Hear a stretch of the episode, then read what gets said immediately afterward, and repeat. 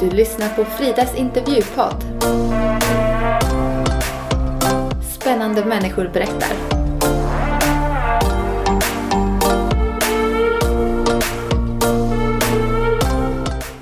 I det här avsnittet pratar vi med Lukas som jobbar som pastor sedan många år tillbaka. Han var en busig kille som liten och växte upp i en fosterfamilj innan han plötsligt en dag fick byta familj igen. I tonåren hamnade han i skinhead-grupperingar och slagsmål. Vi pratar om hur hat och fördomar föds och om Guds kärlek som gav hans liv en ny riktning. Jag hyvlade alla utemöbler en gång. Jag hittade en hyvel och hyvlade upp alla så här, träutemöbler.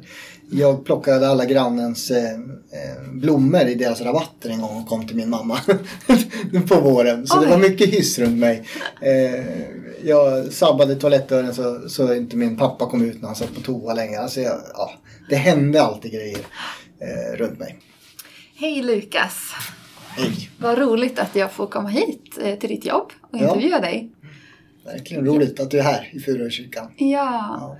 Och jag lyssnade ju på ditt, eh, din berättelse vid ett tillfälle och tänkte mm. wow, den här måste jag ju få med i min podd. Ja, vad bra. Eh, jag tänkte bara göra lite så uppvärmningsfrågor med dig. Mm. Eh, vad skulle du välja, kaffe eller te? Det är kaffe.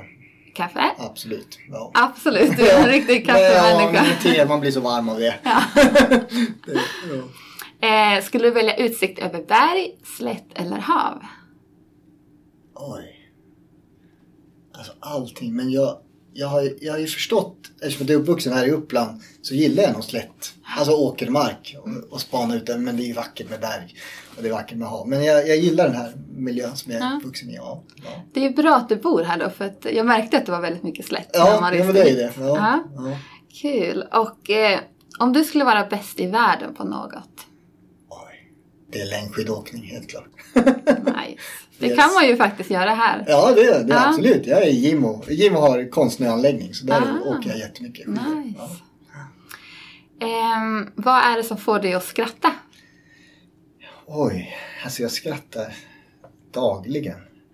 Åt väldigt mycket. Men med barnen, man tokar sig, fånar sig. Det, det är mycket skratt hemma. Så är det. Ja. Härligt. Ja. Eh, och eh, finns det någon händelse som du sällan glömmer? Alltså, jag är 44 och har fyra barn. Det är var, klart varje, varje barn, varje gång man får ett nytt barn såklart. Det, det är ju sådana här minnesbilder. Eh, bröllop.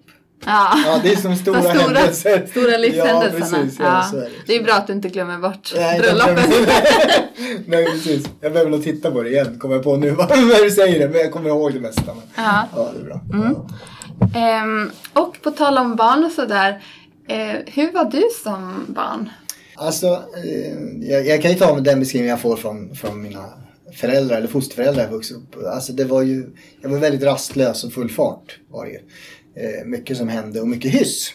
Eh, faktiskt. Jag, jag, vet inte hur mycket hyss jag gjorde men jag, jag hyvlade alla utemöbler en gång. Jag hittade en hyvel och hyvlade upp alla så här, träutemöbler. Jag plockade alla grannens eh, blommor i deras rabatter en gång och kom till min mamma på våren. Så Oj. det var mycket hyss runt mig. Eh, jag sabbade toalettdörren så, så inte min pappa kom ut när han satt på toa länge. Alltså jag, ja, det hände alltid grejer eh, runt mig. Så, så var det. När jag var, när jag var barn. Ja. Vad spännande att ja. ha dig som barn hemma. jo, det var, nog, det var nog fullt upp. Så var det. Men jag ser energin i mina barn också. Mm. Den finns där. Och eh, du nämnde... Fosterfamilj ja. växte jag upp i. Mm. Eh, så var det. Jag, eh, när, när jag föddes precis, jag vet inte hur gammal jag var, sex månader eller något. Så, så dör min pappa i en bilolycka. Så därför så mm. lämnar min mamma mig till en fosterfamilj då. Som jag bor hos, ja egentligen tills jag börjar skolan. Sen eh, vill min biologiska mamma ha tillbaks mig. Så att det vart ju en eh, och då trodde jag ju fosterfamiljen, jag trodde ju hela tiden att jag tillhörde den familjen. Så det var ganska traumatiskt att oj, det är en annan mamma som är min, min mamma då. Eh, så det var ett jobbigt uppbrott där när jag var ja, 6-7 år ungefär.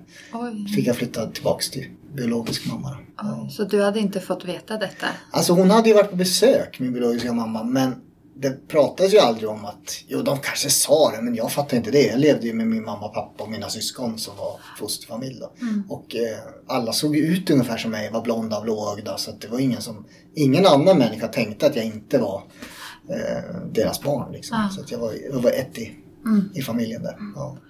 Hur var det att komma till en ny familj då, eller din biologiska mamma? Alltså det var ju... Jag vet inte hur mycket jag ska lämna ut henne men hon hade sina problem, min mamma. Eh, dels utifrån att hon säkert hade förlorat min pappa men hon hade fått en ny man och, och, och eh, tre nya barn så jag kom in i en helt annan familj. Men eh, uppbrottet var jobbigt från fosterfamiljen och eh, sen som barn, jag vet inte, man anpassar sig ju väldigt snabbt. Att ja, nu är det här jag får min mat och mitt husrum och eh, min närhet och kärlek. Så ganska snart så bara så levde jag i det. Och att nu har jag en ny familj. Eh, men det var, ja, det var inte bra så, så som det gick till. Men det funkade. Vad hände sen i tonåren för dig? Ja, men då...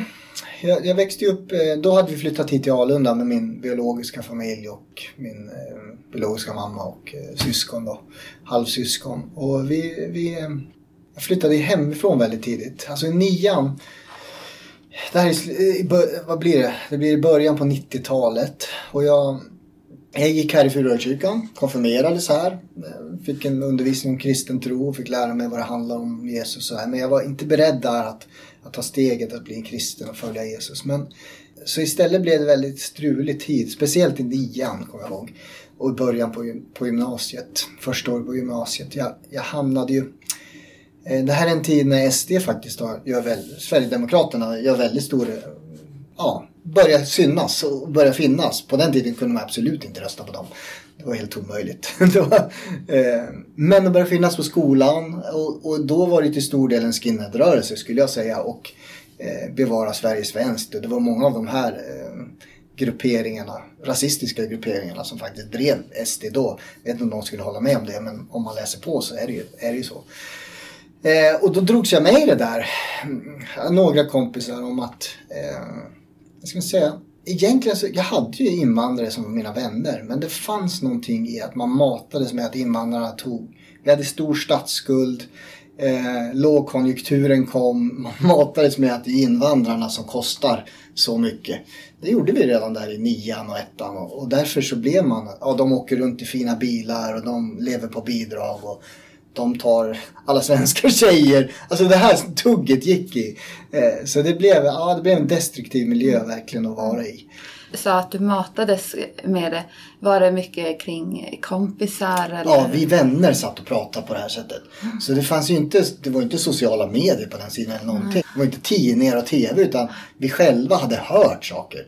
Och så sitter vi bara och förstorar upp det, hur fruktansvärt det är med all invandring och, eh, och hur mycket de kostar och allt de tar från oss. Och på så sätt så, så egentligen var det ju inte rasfientlighet utan problemet att Sverige är inte längre svenskt utan det, det är för mycket influenser från andra eh, länder och nationaliteter och den svenska kulturen och så. Ja, Det var mer åt det hållet. Inte, Så vi kunde ju ha vänner som var invandrare. Ja, det var, inte, det var inte det. Men, ja, Men du kom lite längre in i de tankarna, ja tankebanorna. det, det, det gjorde vi. Och, och det, dels började man, det var mycket alkohol. Det var inte så mycket droger på den tiden. Det var alkohol som var den stora, alltså drog, det var den som var drogen som, som vi använde. Och när alkohol kommer in i bilden då blir det ju mycket mörker och mycket slagsmål och mycket bråk. Och, ja, så, där. så jag hamnade i mycket sådana struliga situationer helt enkelt. Och, och blev dömd för misshandel och lite andra sådana grejer. Men på något sätt i allt det här, jag vet inte, men ett samvete har jag alltid haft. Och det brukar jag säga, att även jag hade kompisar som gick mycket längre än mig och blev väldigt mycket värre. Och, några som faktiskt har dött, är döda idag för att de fortsatte på den här vägen. Så illa, så illa gick det för vissa. Eh, några hamnade i- svåra drogmissbruk eh, av de som vi umgicks med. Eh, Så det, det var ju väldigt destruktivt. Men hos mig fanns det något samvete att det här är inte bra. Jag mår inte bra av det. Innan jag blev frälst skulle jag säga. Så att jag valde redan efter, eh, ja, jag gick ettan på gymnasiet. Då, då flyttade jag härifrån den här orten. Jag behövde bryta med, med den här gänget. Så jag flyttade till, tillbaks till mina fosterföräldrar som jag hade tagit kontakt med. Och på så sätt lyckades jag bryta med, med den gemenskapen. Ut, och då hade jag ännu inte mött Jesus faktiskt. Så någonstans bröt jag det innan det. Ja. Eh, hur såg den här gemenskapen ut i liksom kultur, i kretsen och vad frodades? Eh, ja, men lite har jag beskrivit om, om eh, snacket som gick. Vi lyssnade ju på musik som hetsade oss egentligen eh, till det ena och det andra. Jag vet inte, man får ju en samhörighet. Vi är ett, vi ser likadana ut, samma kläder. Eh, Vill du beskriva hur ni såg Ja, ut? men alltså vi, hade ju, vi var ju rakade på huvudet. Och vi hade ju kängor och vi hade ju sån kallade bomberjackor och, eh, och sådär. Och, och eh, ah, tyckte väl det var häftigt på något sätt. Så, så någonting fick man en samhörighet i det. Ehm, men så, och så hetsar man varandra genom att eh, när man sitter där och dricker så kommer man ju på alla dåliga historier om alla andra människor som inte är med i vårt gäng. Så det, var, det blir väldigt destruktivt. Och sen gick vi ut och, och, och så blev det ju slagsmål nästan jämt när vi skulle ut och träffa folk på på den tiden hade man en massa diskon och där var ju vi och härjade runt. Nu för tiden vet jag inte om man har diskon. Men, men, men då var det mycket disco. Ja. så var det. Ja. Mm, mm. Så, så att, nej, det var, en, det var en destruktiv miljö. Men samtidigt ska jag säga, jag var ju också idrottsintresserad. Så jag var i det här gänget samtidigt. var väldigt duktig både innebandy och fotboll. Så, och det var en motvikt. Där fick, de gillade inte alls den här, den här skinhead-rörelsen i, i fotbollsföreningen. så, så jag fick en liten motvikt där hela tiden. Men, men eh, ja. Vad var det som fick dig att liksom känna lite avsmak kring detta? Alltså må, man mådde ju inte bra helt enkelt.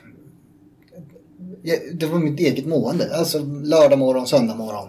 Eh, bara, det här var ju värdelöst. så att det blir ju en tomhet. Må, måendet är bara, jag kan inte fortsätta med det här. Och jag märkte ju eh, idrotten och sporten gjorde, skapade en, annan- en annan känsla och vi-känsla och sådär. Så jag tror det, det är flera olika delar som gjorde att jag måste bryta med det här. Och att jag fick kontakt med fosterfamiljen igen faktiskt. Och började tänka, ja men jag står inte för det här egentligen. Det är bara ett gäng jag är med i. men jag, det är inte riktigt mina åsikter. Ja, det. Lite den insikten kom ju där. Mm. Eh, Eh, varför tror du att människor hamnar i såna här gäng? Utifrån din Ja, erfarenhet. alltså min erfarenhet. Jag skulle säga om jag tittar på mina barn nu. De har ju hela tiden behov av att få ha några nära vänner. Eh, Så de bildar ju också gäng redan nu. De är 10, 8 och 7. Alltså de här vill jag vara med hela tiden. Jag tänker du kommer ju väldigt nära den här, det här gänget. Man är ju... Man, man eh, bryr sig om varandra. Man visste att man alltid hade vänner med sig som stod på en sida hela tiden. Så, så det är ju attraktivt. Sen samlas man ju kring en eh, ska säga, destruktiv åsikt och, och, och så här, väldigt negativ åsikt men, men samhörigheten blev stark ändå. Mm. Sen, sen är det som sagt, man behöver ett samvete för att känna att oj det här är helt galet. Men trubbar man av det då, då känner man ingenting. Så då, då, då tycker man ju bara det är härlig gemenskap. Ja. Ja, just det. Mm. Och med din erfarenhet och allt det du har varit med om i, Mm. i, i de här strömningarna. Hur ser du liksom på samhällsutvecklingen idag och den splittring, splittrade samhället som finns idag mellan grupper? Ja, det här är en jättesvår fråga men om vi tänker politiskt bara. Jag, min åsikt, jag vet att jag är i jag tillhör ju väckelserörelsen och kristna som, där, där man börjar prata mer om att ja men det går ju bra att rösta på SD och så här. Det är väl inga, inga problem. Men, men för, om vi pratar politiskt så är, för mig som var i det där på 90-talet så, så är det helt otänkbart. Eh, sen kan man hålla med om vissa frågor som SD driver. Men inte när det handlar om människosyn och synen på invandrare och så här. Men det är klart att Ska vi registrera småbåtar eller vad som helst om de tycker det och jag tycker det så det, det är frågor som ingen bryr sig om. Men så eh, där har jag jättesvårt för både i våra kyrkor eh, och i, i sammanhang jag rör mig idag. Hur, alltså det är inte ens ett alternativ för mig. Och då, då ropar ju de ofta upp att ja, men alla partier kommer ur dåliga, alltså, alltså vänsterparti och sådär och så vidare.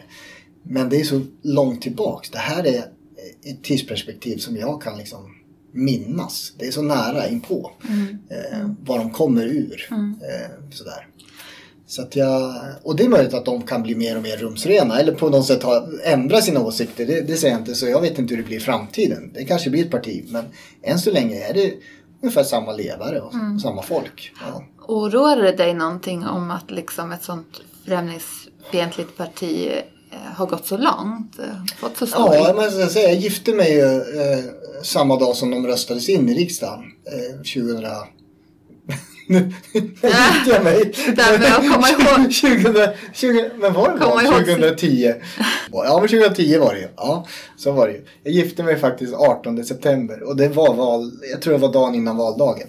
Eh, och när jag då sitter och åker till, till på, vi skulle åka till Norge, jag och frun där.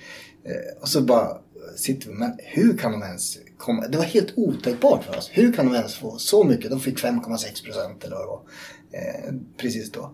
Så det var ofattbart för mig hur, hur det här partiet eh, ens kunde få vara med och regera.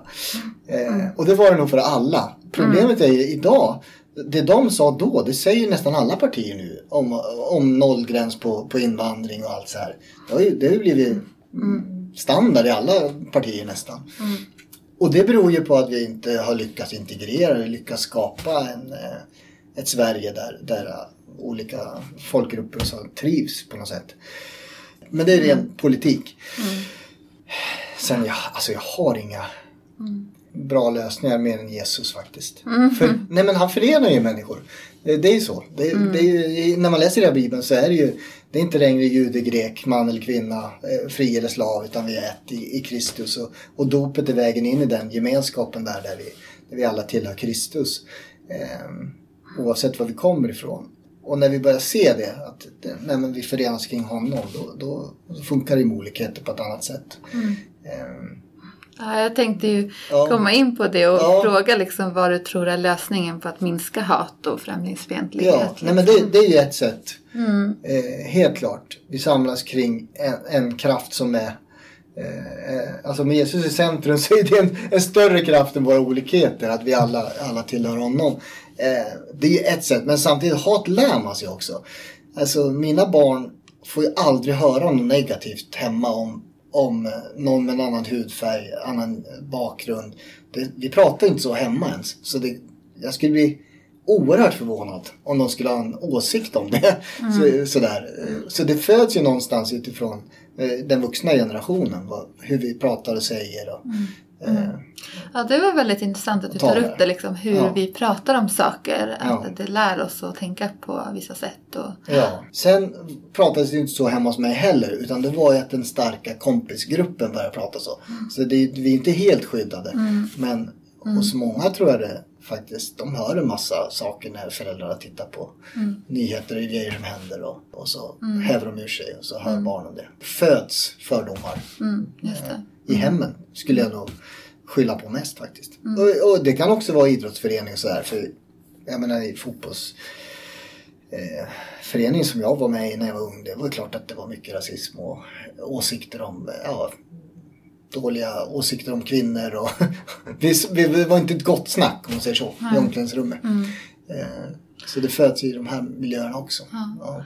Hur kan man undvika att det blir hat då mellan eh, saker som är annorlunda än själv? undvika hat fördriver man ju bara med kärlek på något sätt. Men det, delvis så handlar det ju om, jag kommer tillbaks till gudsrelationen.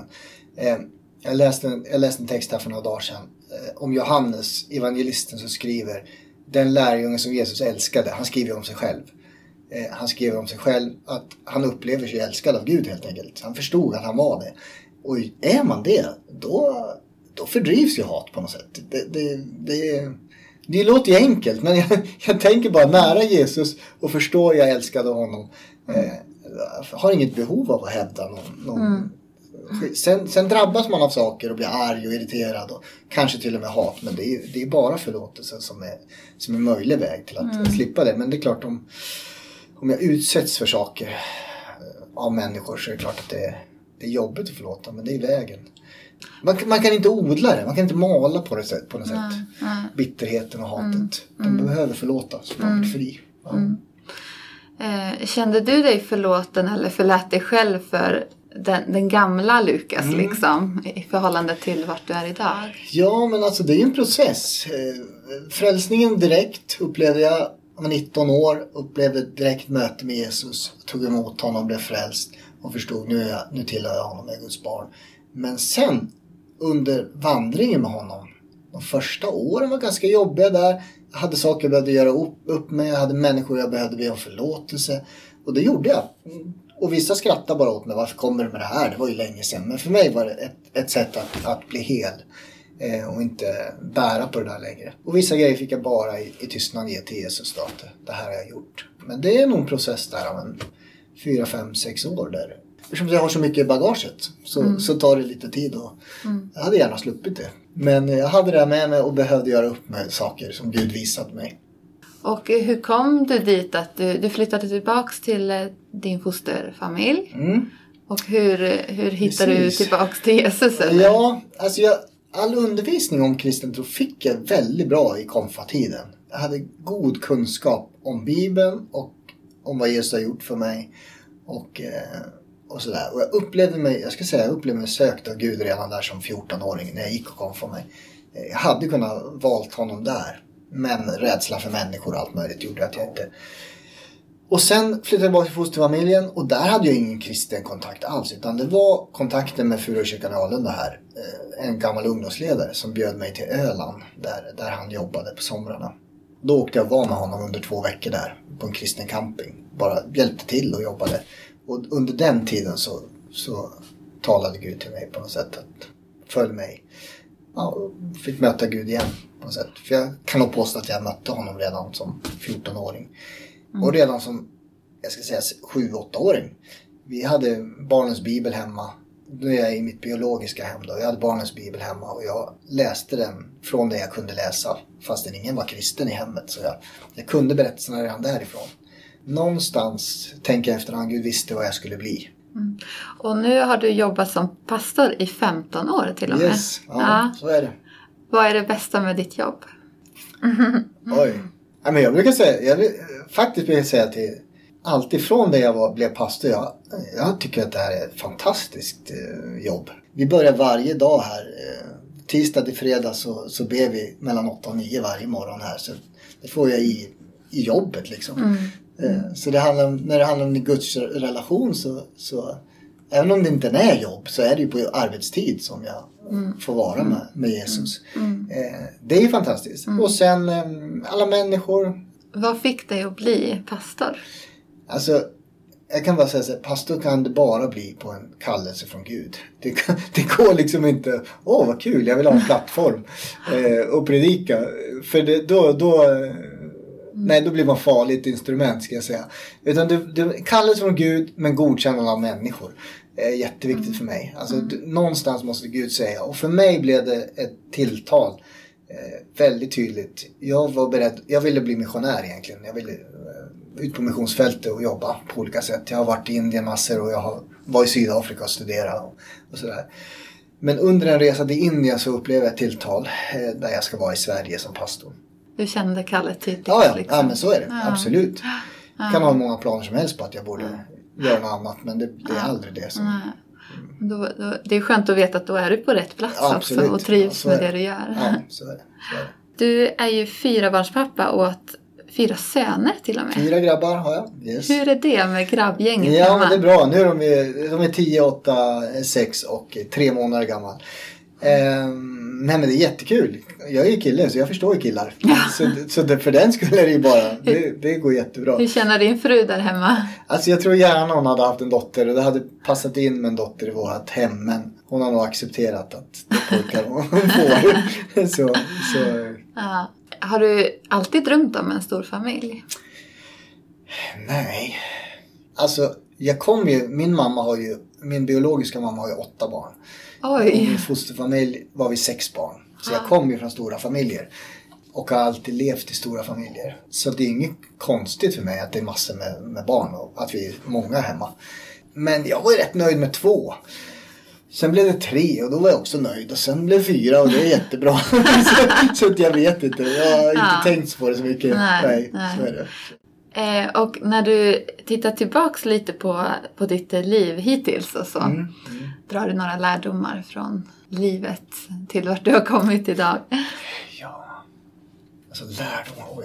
Jag, Jag är 44, jag borde vara en lärd man.